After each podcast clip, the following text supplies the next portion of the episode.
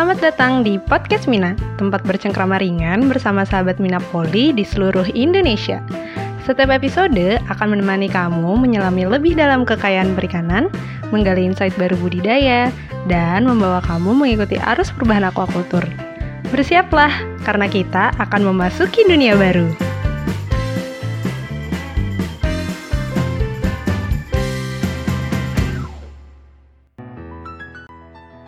Sahabat Minapoli, balik lagi nih di podcast Mina yang kali ini adalah episode ke-14. Nah, kali ini masih di edisi Women in Aquaculture untuk memperingati Kartini nih ya di bulan April ini. Uh, kali ini kita akan kedatangan uh, wanita sukses lainnya di industri aquaculture. Jadi uh, kali ini kita akan ngobrol nih bareng sama uh, salah satu CMO atau Chief Marketing Officer dari Banu.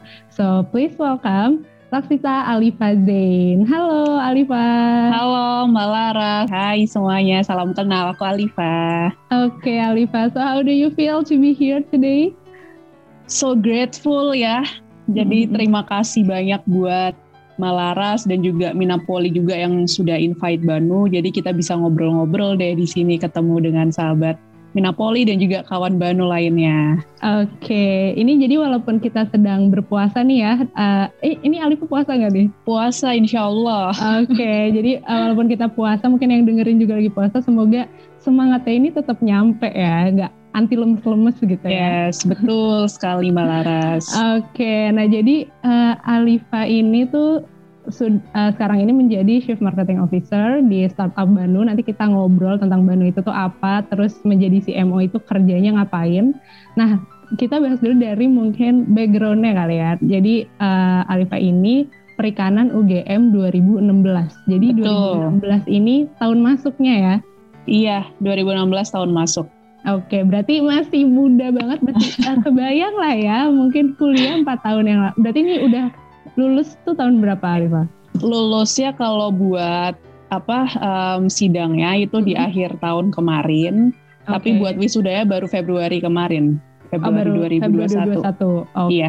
Jadi masih muda banget, masih harusnya masih umur 23 ya? 23 atau 22? Iya, 23. Barusan banget kemarin 23 umur. Oh, oke. Okay. Wah, harusnya kemarin. Tanggal 14 sih, tanggal 14 oh, sih sebenarnya. Oke, okay, oke, okay, Jadi baru banget ya. Uh, iya, ini fresh from the oven. oke, okay, nah uh, aku mau tanya nih Alifa, ini emang asli uh, asli UGM lagi. Emang asli Jogja atau dari mana nih?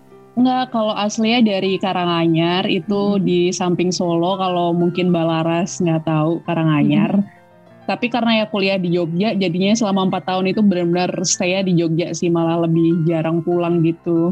Oke, terus tapi kalau Banunya sendiri apakah di Jogja juga atau yeah. malah di luar lagi? Oh, di Jogja juga? Iya, uh, kalau head office kita ada di Jogja. Tapi kalau buat kolam risetnya kita malah ada di Klaten. Tapi ya oh. ya mungkin sekitar 40-an menit lah kalau misalkan dari uh, office. Oke, okay, oke. Okay. Nah, uh, terus Arif aku pengen nanya nih. Sebetulnya awalnya ini uh, masuk ke perikanan itu tuh mm -hmm. kenapa sih masuk ke kuliahnya dulu deh kenapa perikanan nanti baru kita tanya kenapa ke aquaculture menarik sekali ya pertanyaannya Mbak Laras jadi itu kalau uh, tiap ditanya kenapa masuk perikanan tuh sebenarnya lebih ke kecelakaan sih bukan kecelakaan okay. juga ya. Nggak sengaja ya. Iya nggak sengaja gitu loh mbak. Karena emang dulu apa namanya aku pengen banget jadi dokter kan. Cuma oh, gitu. karena uh, menyadari capabilityku juga nggak sebagus itu dulu. Terus juga apa namanya uh, aku nggak uh, dulu SMA tuh aku kuper banget deh mbak. Pokoknya kayak bisa dibilang beda banget sama aku yang sekarang kayak gitu Nah terus makanya dulu waktu apa um, menyadari menjadi dokter itu udah kayak terlalu jauh untuk dicapai. Hmm. Terus aku mikir nih kayak apa ya uh, kira-kira oh ya udah aku ambil jadi uh, ahli gizi aja gitu. Waktu itu jadi pilihan pertamaku waktu UM waktu itu aku uh, ikutnya yang uh, ujian masuk UGM itu pilihan pertamanya itu gizi.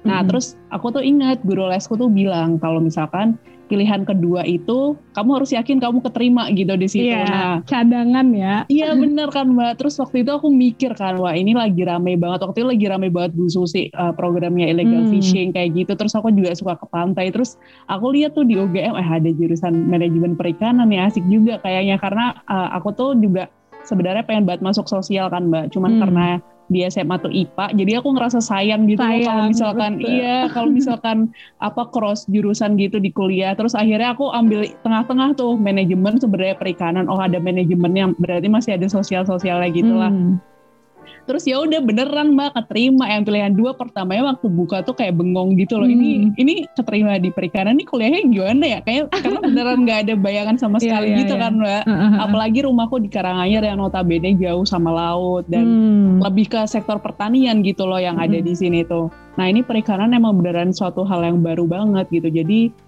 gitu ceritanya Mbak. Kenapa memilih perikanan? Sebenarnya karena Bu Susi nyesel, sih. nyesel gak kecemplung ke sini? Kayaknya enggak sih? Sama sekali enggak sih Mbak. Malah malah bersyukur banget sejujurnya. Kayak kayak aku berterima kasih dengan diriku yang dulu gitu loh. Ya Allah alhamdulillah Alifa kamu memilih perikanan dulu. Karena kalau nggak perikanan Banu ini kayaknya nggak jadi sih. Atau waduh. Si MO-nya bukan Alifa sih. Iya oke oke. Nah terus uh, tadi kan Alifa bilang nih waktu SMA-nya nggak sesibuk uh, bukan nggak sesibuk sih nggak seaktif waktu kuliah mm -hmm. dan apalagi sekarang setelah lulus gitu. Mm -hmm. Nah yang motivasi aku lihat nih kayak kamu aktif banget di ISEC terus yeah, juga betul. lomba banget sana sini bahkan Banu sendiri pun juga kayak bisa dibilang uh, project yang dilombakan gitu kan dan mm -hmm. akhirnya jadi startup kayak gitu. Nah itu tuh uh, gimana sih Alifa untuk bisa kayak motivate diri kamu dan juga pasti kayak ngebagi waktu ketika mm -hmm. kuliah gitu akhirnya kayak ah gue harus jadi anak yang aktif nih di perikanan kayak gitu um, ini kalau apa namanya kalau cerita flashback dulu hmm. ya mbak hmm. ya kenapa akhirnya aku kayak gitu sebenarnya gara-gara patah hati sih mbak oh gitu wow the power of broken heart ya iya oke okay, okay. iya jadi dulu tuh ya jadi tuh apa kalau buat lucu-lucuannya istilahnya hmm. dulu tuh apa uh, waktu aku di Jogja tuh kayak ya udah akhirnya aku mengakhiri uh, hubungan hmm. gitu kan mbak nah itu sempet galau banget kayak yang mikir apa hampa kayak kalau nggak ngapain kuliah kayak awal-awal jadi maba gimana sih mbak kayak yang masih bingung juga kan nggak hmm. punya teman gitu-gitu terus ya udah aku kayak di situ uh, tekatin aja gitu kayak uh, lihat aja ya gitu kayak uh, apa pasti pasti bisa kok. Apalagi dulu tuh ini sih mbak lebih ke uh, apa social pressure juga. Karena mm-hmm. mungkin teman-temanku kayak mereka keterima ya di uh, jurusan-jurusan yang jelas gitu. Kayak mm. ya apa manajemen terus juga bisnis kayak gitu loh yang uh, orang-orang familiar gitu. Nah yeah, betul. uh, ketika mereka tahu kayak aku di perikanan mereka pasti langsung ngejudge dulu pertama kayak uh, perikanan mau jadi apa sih? Kayak gitu. Apalagi mm-hmm. cewek mereka lebih kayak malah lebih nggak tahu lagi gitu kan mau jadi apa terus ya udah di situ kayak benar-benar malah jadi benar-benar jadi membakar diri yeah. itu iya. sih jadi yang oh lihat aja besok ya kayak gitu-gitu yang mulai dari ya tapi ya dulu emang nggak segampang itu sih maksudnya benar-benar yang menangis-nangis darah kayak ya begitu perjuangan apa awal-awal kuliah tapi alhamdulillah apa namanya um, ternyata juga uh, dari hasil maksudnya kalau kita udah benar-benar niat terus niat kita juga baik gitu akan ada hasil lagi gitu kayak usaha tidak mengkhianati hasil gitu betul walaupun memang it takes years ya kayak iya. itu bisa dibilang selama kamu kuliah itu kan kayak 4 5 tahun gitu kan sampai sekarang mm -hmm. dan sekarang pun juga uh, belum berhenti gitu kan pasti masih kayak berusaha untuk Banu bisa lebih maju lagi kayak gitu yeah, dan akhirnya betul. dua cewek gitu ya bersama uh, Sally bisa mm -hmm. bikin startup gitu kan Banu oke okay. nah uh, Alifa gimana sih uh, jadi CMO di Banu tuh ngapain sih sebenarnya? Um, jadi CMO di Banu karena M-nya ini marketing, jadi ya hmm. apa kita melakukan hal-hal basic marketing sih karena Banu juga masih baru gitu ya Mbak. Hmm. Uh, jadi yang kita lakuin tuh sebenarnya lebih uh, apa namanya kita ngobrol-ngobrol sama pembudidaya aja sih. Jadi hmm. lebih banyak uh, terjun ke lapangan langsung buat istilahnya produk market fit lah apakah hmm. uh, riset yang kita jalankan sekarang ini sebenarnya apa yang para pembudidaya butuhkan hmm. gitu jadi ya itu uh, apa role di CMO ini sebenarnya sebagai bridgingnya gitu hmm. antara antara lapangan dan juga antara uh, tim riset gitu biar seiringan begitu. karena emang paling penting adalah ini bisa digunakan sama pembudidaya ya supaya bisa ya, bermanfaat. Betul sekali. Oke, nah terus uh, kan biasanya orang mikir marketing harusnya kita kayak lulusan yang emang ngomonginnya tuh marketing gak sih kayak di mm -hmm. ketika pas kamu kerjanya dengan background perikanan tapi menjadi CMO apakah itu sangat membantu atau ada hal-hal yang perlu kau pelajari lagi atau gimana? Um, kalau uh, dari background ke perikanan sebenarnya sangat membantu karena hmm. itu tadi aku uh, di perikanan itu belajarnya di manajemen dan di manajemen itu kan banyak kita banyak belajar tentang apa namanya finance juga terus kita hmm. juga uh, belajar ya tentang apa dasar-dasar manajemen dan sebagainya gitu jadi uh, sebenarnya nggak terlalu ini sih mbak maksudnya dalam segi apa sosial ekonomi apalagi aku juga uh, skripsi aku fokusnya ambil di sosial ekonomi nggak jadi nggak terlalu susah juga gitu buat hmm. implement di Banu sekarang karena ya aku udah dapat ilmu dari kuliah terus sekarang aku belum tinggal kayak menerapin itu di lapangan begitu. I see. Oke, okay, terus uh, gimana sih awalnya uh, terbentuk tim Banu ini? Karena kalau aku lihat nih uh, foundernya ini backgroundnya bisa dibilang beda semua, beda angkatan, bahkan beda angkatannya itu bukan eh, satu uh, dua tahun, tapi beda angkatan yang kayak alumni gitu. Uh-uh. Nah itu gimana sih uh, Alifa bisa menemukan orang-orang ini gitu? Nah jadi emang uh, apa long story banget sih sebenarnya terbentuknya hmm. Bano dan aku tuh sebenarnya baru join Bano tuh di awal 2020 mbak, kayak hmm. tahun lalu banget gitu kalau awalnya banget itu sebenarnya tuh namanya bukan Banu. Jadi Mas Fajar itu founder utamanya uh, angkatan 2012 ya, 2012 mm -hmm. atau 13 aku lupa dari teknik mesin. Nah, uh, Mas Fajar ini dia ada riset gitu sama dosen. Terus waktu mm -hmm. itu risetnya tentang microbubble generator. Hmm. Nah, terus uh, dia uh, ngeliat nih, oh ternyata hasilnya kalau misalkan di limbah tuh bagus. Nah, makanya mau dicoba di perikanan karena uh, mikir kalau misalkan di limbah yang nggak ada makhluk hidupnya bagus, uh, kalau misalkan ditaruh di perikanan pasti uh, lebih bagus juga gitu yeah. untuk makhluk hidupnya, untuk ikan-ikan di dalamnya. Terus ya udah akhirnya coba riset terus Mas Fajar pertamanya ngebentuk kayak itu Mino namanya itu uh, apa buat fokus di microbubble generatornya aja. Itu waktu itu sama kalau di anggota Banu sekarang malah di Mino itu malah nggak ada sih. Malah nggak ada. Jadi itu benar-benar yang uh, apa uh, tim yang lama itu teman-temannya Mas Fajar satu angkatan kalau nggak salah. Hmm. nah terus uh, abis selesai kuliah teman-temannya pada bubar pada maksudnya pada kuliah hmm. S2 pada kerja. Nah itu Mas Fajar masih stay di Jogja buat ngelanjutin riset. Nah sampai akhirnya ada lomba Cisco itu terus uh, terbentuklah Bano. Dan uh, di situ mulai diinovasiin pakai sensor. Makanya perbedaannya sebenarnya yang lama dan yang baru. Kalau yang sekarang yang Bano kita pakai sensor sedangkan yang Mino dulu itu pure yang cuma microbubble hmm. generator aja. Iya betul begitu. Hmm. Terus kalau buat yang apa namanya uh, Banu sendiri yang pertama uh, kenapa bisa dapat orang-orang ini ada Mas Hari, Mas Ari dan juga ada Sally. Itu kalau yang pertama Mas Fajar nih uh, udah kerja sama duluan nih sama si Mas Hari ini dari perikanan, terus juga hmm. ada Mas hmm. Ari itu dari elektronika dan instrumentasi. Nah mereka udah ada project duluan sebelumnya, terus ya udah akhirnya diajakin Mas Fajar kan buat ikut lomba Cisco.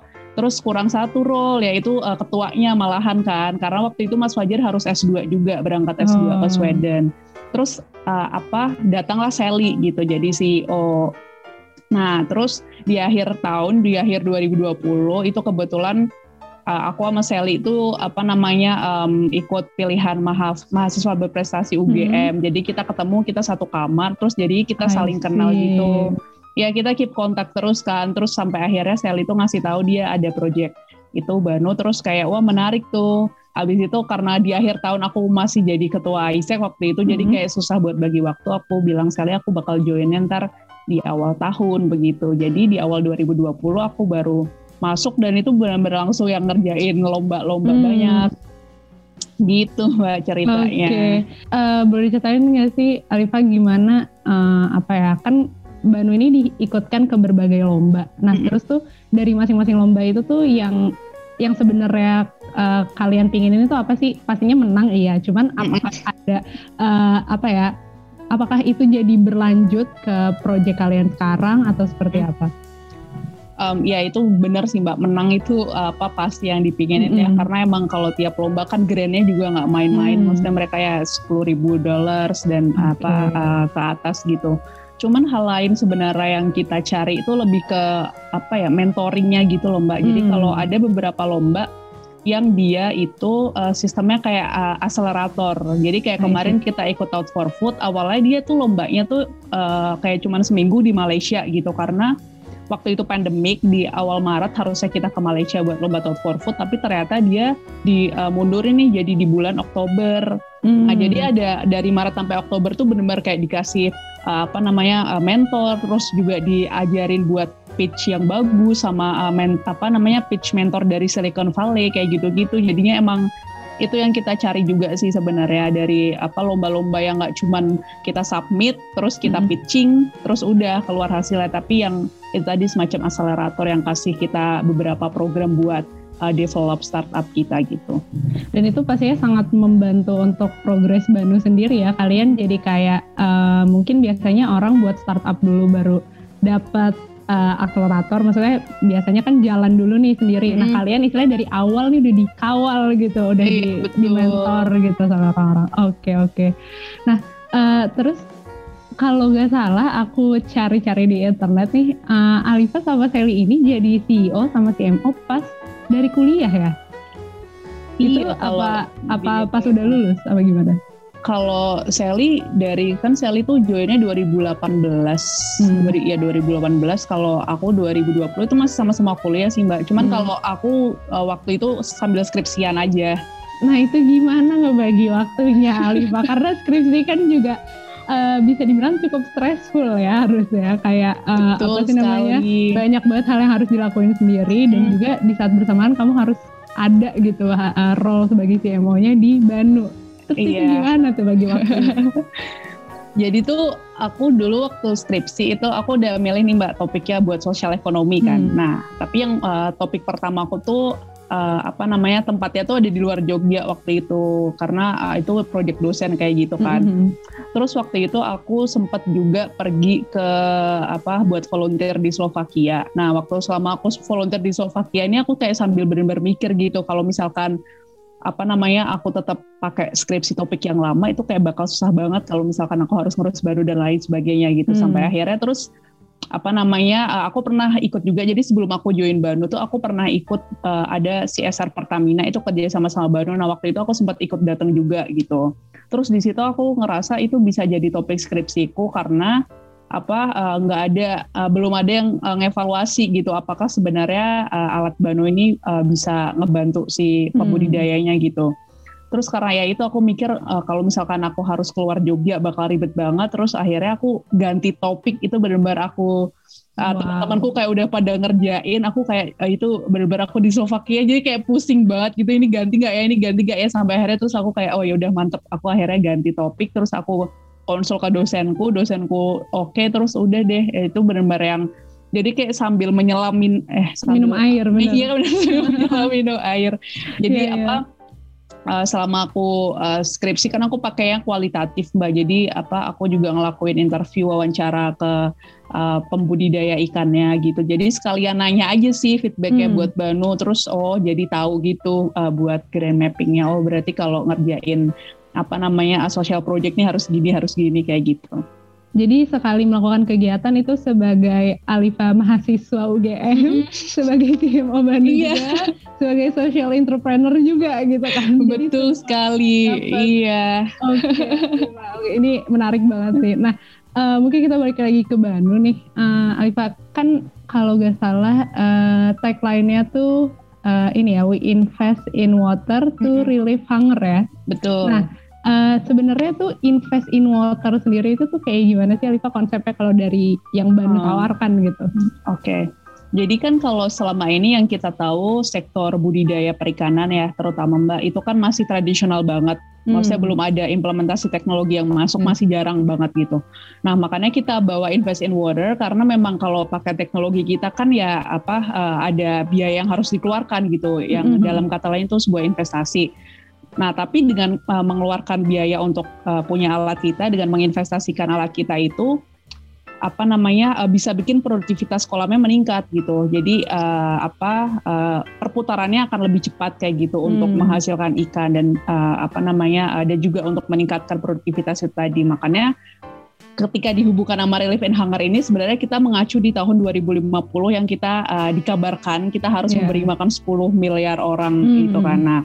Makanya kalau kita cuman stay dengan traditional way untuk membudidayakan ikan, gimana caranya kita bisa uh, apa uh, memberi makan 10 miliar orang ini tadi gitu. Makanya kita butuh uh, sebuah disruption, terobosan-terobosan, ya itu dengan cara ya kita harus menginvestasikan alat ke air kayak begitu. Hmm, memang uh, sebenarnya mungkin boleh dijelasin nggak sih secara sederhana aja, Liva, cara kerja dari Banu hmm. ini tuh kayak gimana sih?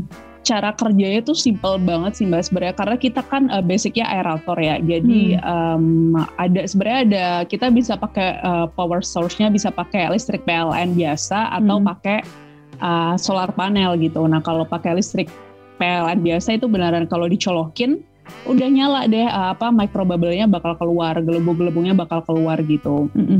Nah terus kalau apa namanya um, kita integrasiin pakai sensor uh, itu lebih otomatis lagi. Jadi kalau misalkan jadi kan aerator kalau dicolokin kan ya udah dia bakal nyala terus uh, selama list, uh, apa sumber listriknya itu nyala mm -hmm. juga kan mbak. Nah kalau pakai sensor itu based on uh, days of oxygen atau oksigen mm. terlarutnya. Jadi kita bisa set kalau uh, apa oksigen normal kan uh, around 3 atau 5 ppm kayak gitu. Nah, kalau misalkan nanti dia di bawah 3 ppm misalkan nah itu baru uh, MBG kita nyala, alat kita nyala gitu. Tapi kalau misalkan dia masih di atas 3 atau sama dengan 3 itu masih aman. Jadi kayak dia nggak nyala jadi bisa hemat listrik begitu.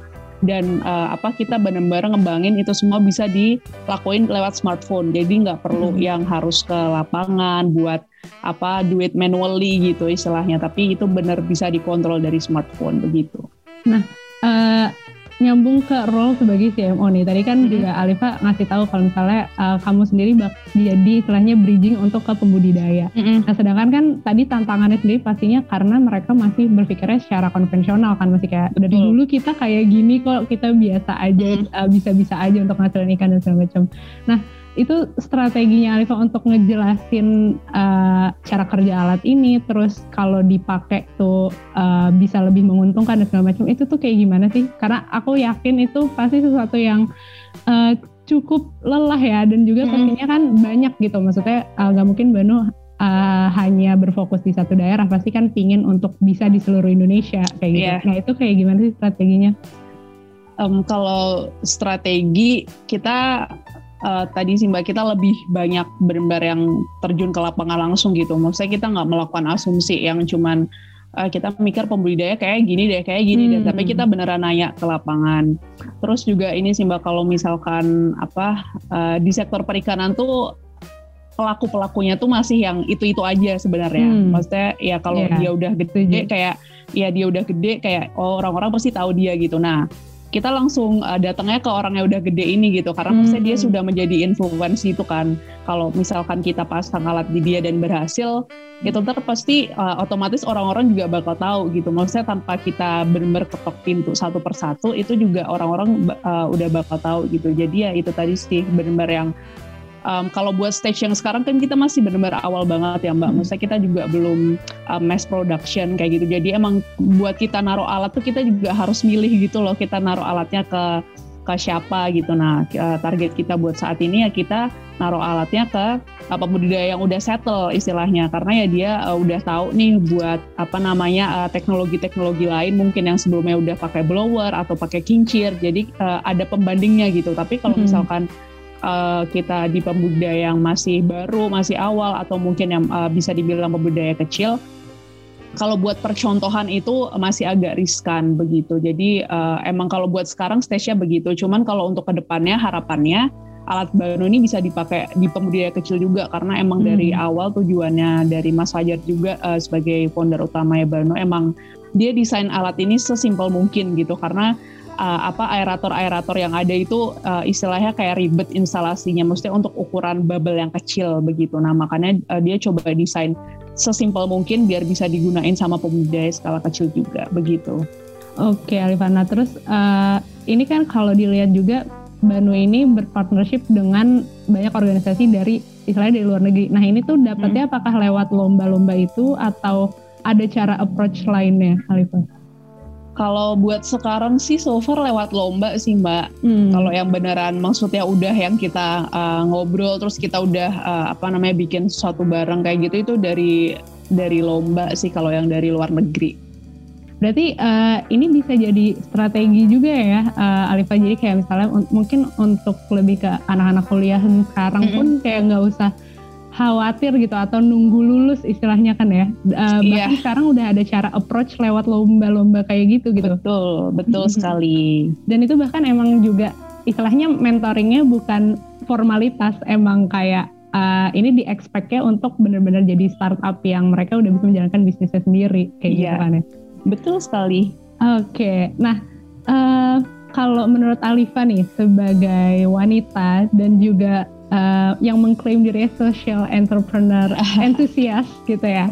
Nah, uh, menurut Alifa nih, aquaculture tuh fit in gak sih untuk uh, istilahnya role kamu sebagai perempuan dan sebagai social entrepreneur gitu?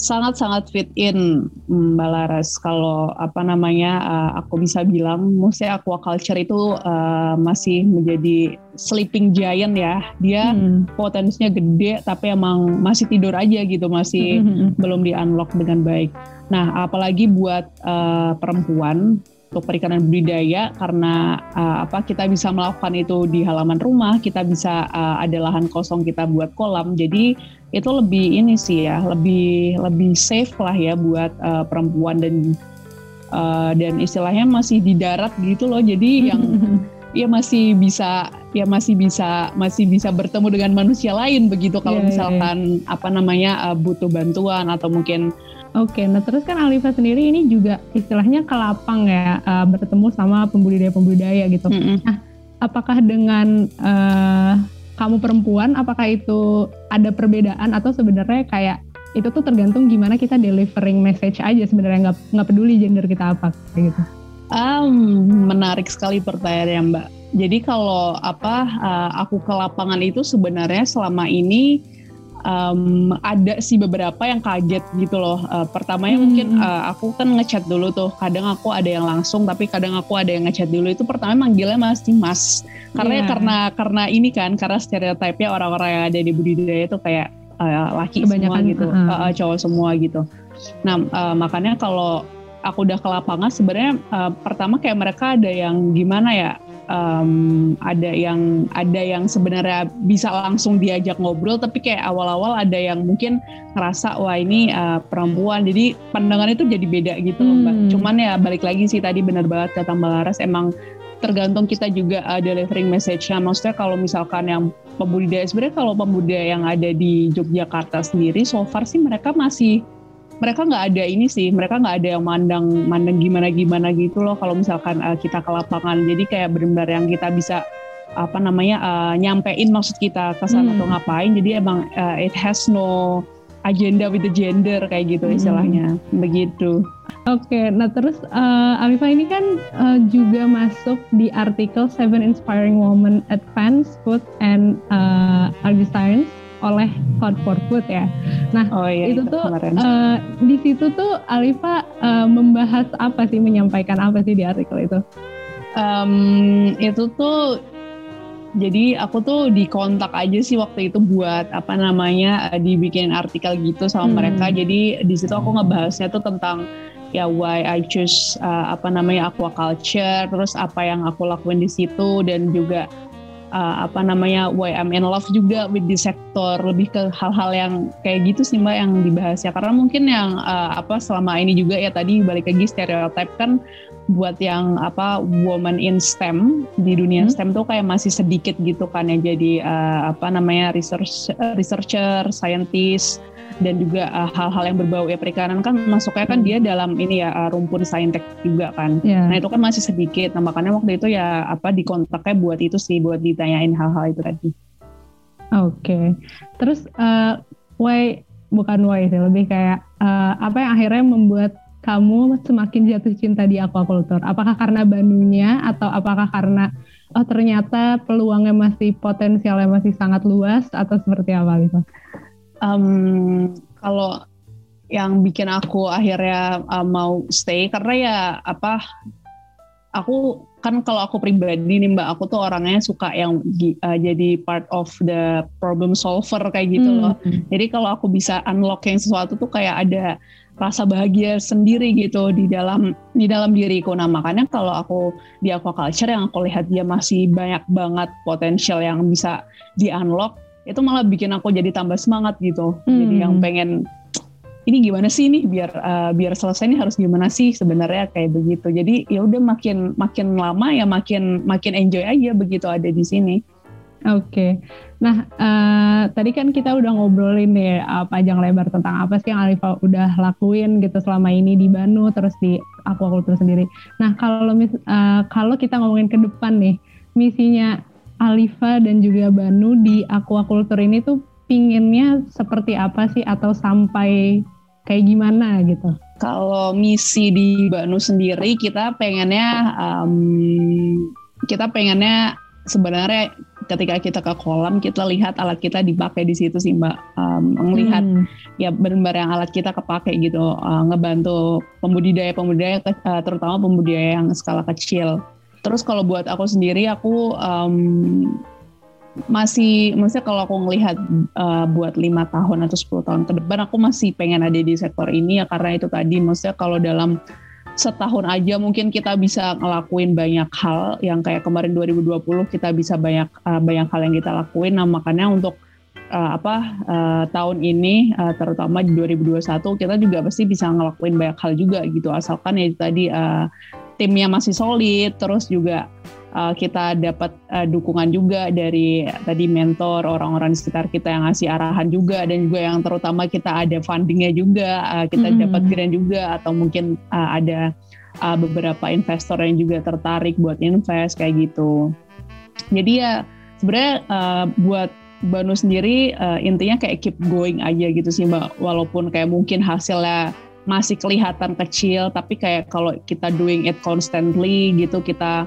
benar-benar yang apa namanya uh, istilahnya kita ya benar ngelakuin itu setiap hari dan konsisten kayak gitu hmm. pasti ntar hasilnya bakal kelihatan gede sih.